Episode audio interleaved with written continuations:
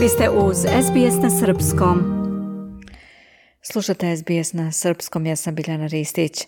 Na fakultetima Beogradskog univerziteta ostalo je nepopunjeno 2896 mesta. Statistika pokazuje da sve manje brucoša upisuje državne beogradske fakultete, dok je na privatnim povećan broj upisanih studenata, a prema podacima relevantnih istraživanja, mnogi visokoškolci su prinuđeni da rade kako bi pokrili troškove života koji rastu. S druge strane, država je u januaru donela sedmogodišnju strategiju za mlade, u julu akcioni plan za njeno sprovođenje, a prema podacima Evropskog foruma Srbija je ostvarila značajan napredak u kvalitetu života mladih. Šta se popravilo, šta i dalje nije na zavidnom nivou, šta država preduzima da spreči odliv, šta mladi traže, koji su njihovi prioriteti i kako ih zadržati u zemlji. Na liniji imamo Miju Nikolić. Mija, dobar dan. Recite nam koji su problemi mladih u Srbiji? Šta pokazuju istraživanja?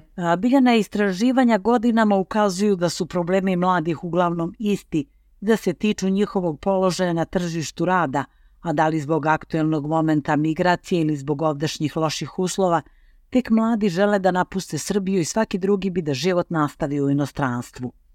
Podaci pokazuju da 43,6% mladih ne zarađuje, a tek svega 12 procenata zaradi više od 1000 evra. Kao najveći izazov sa kojim se suočavaju mladi ističu stabilnost zaposlenja i mogućnost da dobiju priliku da se ekonomski osnaže i da budu ekonomski samostalni. U manjim zajednicama, osim potrebe za većom zapošljivošću, prisutan je i nedostatak sportske infrastrukture i prostora gde bi se realizovali programi namenjeni mladima koji bi bili besplatni i na neki način pomogli da se osnaže. Mija, šta je najveći problem visokoškolaca? Što se visokoškolaca tiče, njima veliki problem predstavlja to što su troškovi života, naročito stanovanja, u srpskim univerzitetskim gradovima znatno veći od onoga što prosečna porodica studenta može da podrži, pa su stoga mnogi prinuđeni da rade paralelno sa studiranjem. Za studente koji uče po Bolonji često je izazov da usklade posao sa fakultetom jer se izostanci sa predispitnih obaveza ne tolerišu. Pored stanovanja, studenti imaju izdatke za menzu, a za one koji dolaze iz manjih gradova to su i troškovi za autobuske karte koje su znatno poskupele. To je znatna promena u odnosu na nekadašnji način studiranja kada su roditelji uglavnom mogli da finansiraju studente, zar ne? Gordana Adamov iz krovne organizacije Mladih eh, Srbije navodi da se u odnosu na period kad je ona studirala pre 10 godina znatno povećao broj visokoškolaca koji paralelno sa studijama moraju da rade. Njeno vreme radili su da bi eventualno imali neki svoj džeparac. Danas je veli gotovo obrnuta situacija, redko da ima studenta iz unutrašnjosti koji ne radi paralelno sa studijama zato što njihovi roditelji nisu u mogućnosti da ih izdržavaju. Adamov ocenjuje da u najidealnijem slučaju studentu treba 300 evra mesečno ili oko 35.000 dinara, a prosečna neto minimalna zarada u 2023. je oko 40.000 dinara. Navodi da mladi generalno imaju veliki izazov da se ekonomski i stambeno osamostale. S jedne strane to je posljedica toga što uh, tržište rada nije usklađeno sa obrazovnim sistemom, pa mnogi po završetku škole i fakulteta moraju da se prekvalifikuju i teže su zapošljiva kategorija. Studenti su prema njenim rečima u još nepovoljnijem položaju iz razloga što su trenutne cene stanovanja i života u studentskim gradovima znatno veće nego što njihove porodice mogu da podrže.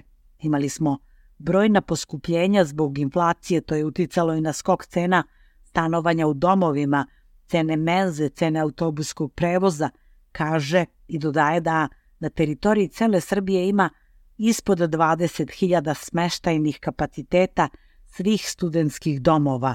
To apsolutno ne odgovara broju studenta kojih je nešto preko 240.000, te je stoga većina njih primorana da iznajmljuje privatni smeštaj koji se kreće oko 200 evra po osobi.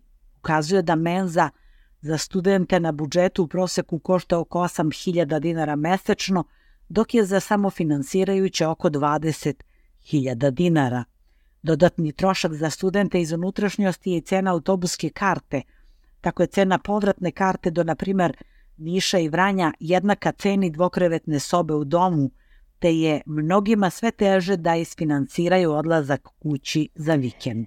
Mi da li država nekim povlasticama pokušava da pomogne studentima? Predstavnici države najavili su da će od 1. decembra krenuti izdavanje studentskih kartica, koje će omogućiti razne pogodnosti i popuste, a moći će da ih dobiju i budžetski samofinansirajući studenti, ali i studenti visokih škola, master i doktorskih studija.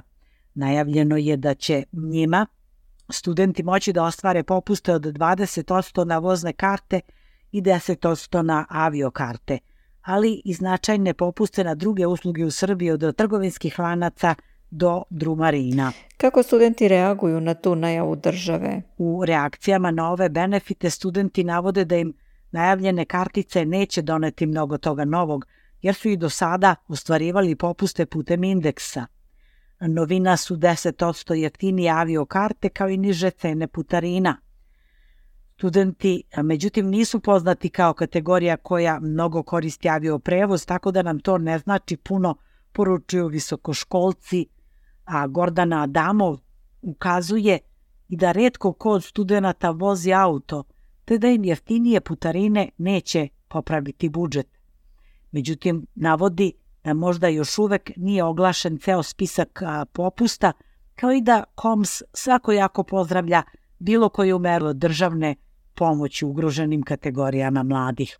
Ona podsjeća da su nakon korone kulturne institucije, pozorišta, galerije ukinule ili ograničile studentske popuste, iako su to budžetske institucije, pa tako mladoj osobi je potrebno hiljadu dinara da ode na pozorišnu predstavu.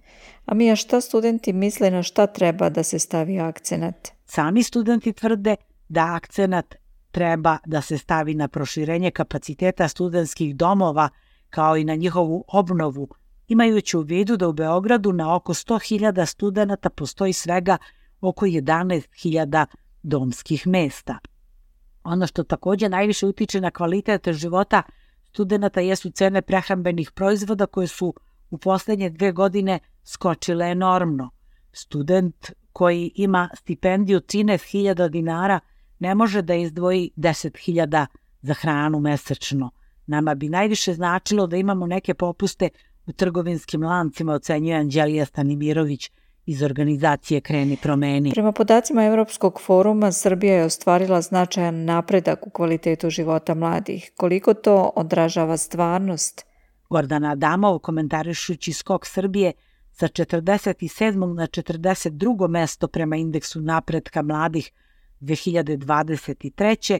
i prosečnu ocenu 79,9% od 100, kaže da je to dobro i da je direktan rezultat saradnje koje je vlada ostvarila sa mladima kroz dijalog. Međutim, u okviru tog indeksa postoje stvari koje nisu na zavidnom nivou, kao što su, na primer, životna sredina, kvalitet vode i vazduha, a koje mladi prepoznaju kao problematične, pa im je tako životna sredina jedna od najvažnijih tema u Srbiji, rekla Adamov. Ono što ona ocenjuje kao napredak jeste to da su mladi mnogo više uključeni u kreiranje dokumenta javnih politika, jedan od primera dobre prakse je nacionalna strategija za mlade do 2030. Usvojen je i akcioni plan za implementaciju strategije gde su prepoznate bitne oblasti za mlade na kojima bi država trebalo da radi do 2030. godine. Takođe u proceduru bi uskoro trebalo da uđe nacrt zakona o radnim praksama – kojim bi se regulisala ta oblast koja do sada nikada nije bila uređena. Po prvi put mladi su se izborili da njihove radne prakse budu plaćene i pokrivene. Mnogi studenti, na primer medicine ili prava, imaju obaveznu radnu praksu po završetku studija koja nije plaćena iako provode istu količinu vremena i obavljaju istu količinu posla kao njihove zaposlene i plaćene kolege, kazala je Adamov.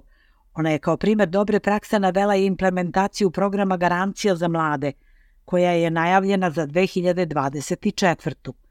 Ovaj program već postoji u 27 zemalja članica Europske unije i predstavlja obavezu da se mladima od 15 do 29 godina, kad prekinu školovanje ili izgube posao, u roku od četiri meseca omogući prilika za radnu praksu, volontersko iskustvo, zaposlenje ili nastavak školovanja. Adamov objašnjava da bi te garancije sprečile da mladi budu u kategoriji onih koji nisu ni u sistemu obrazovanja, ni na tržištu rada i prosto postaju nevidljivi sistemu. Ukazuje da za sada imamo veliki procenat tih mladih koji nisu ni tamo ni ovamo, nezaposleni su, a nisu prijavljeni kod nacionalne službe za, za zapošljavanje. Navodi da republički budžet predviđa 0,08 od 100 e, sredstava za omladinsku politiku, da mladi jesu kategorija koja se ubraja i u kulturu, u nauku, zdravstvo, ali jedna od preporuka Komsa je uvođenje omladinsko odgovornog budžetiranja. To jeste da postane vidljivo, transparentno, koliko se zaista odvaja za mlade u različitim segmentima. Na kraju, da li vlada planira da uradi nešto po pitanju mogućnosti radne prakse? Ivana Antonijević, pomoćnica ministra za turizam i omladinu, kaže da je zakon o radnoj praksi apsolutni prioritet vlade Srbije, koja je sada do duše u tehničkom mandatu. Sve mere koje Republika Srbija planira da uradi u naredne tri godine po akcionom planu usmerene su da se koriste svi kapaciteti naše zemlje, da se na svaki mogući način utiče na životni standard mladih i da oni donesu odluku da ostanu u svojoj zemlji, izjavila je Antonijević za RTS. Javni servis ukazuje da i oni koji ostanu u svojoj zemlji imaju problem da se osamostale i to se dešava mnogo kasnije nego kod njihovih vršnjaka u Evropskoj uniji. Dve trećine mladih živi sa svojim roditeljima. Podaci kažu da se mladi u proseku osamostaljuju sa 31 godinom, čak muškarci sa 33,7 godina, dok je u Europskoj uniji taj trend znatno drugačiji, navodi RTS. Biljana. I toliko za danas. Hvala Mija. Bila je to naša saradnica iz Srbije, Mija Nikolić. Ja sam Biljana Ristić. Želite da čujete još priča poput ove? Slušajte nas na Apple Podcast, Google Podcast, Spotify ili odakle god slušate podcast.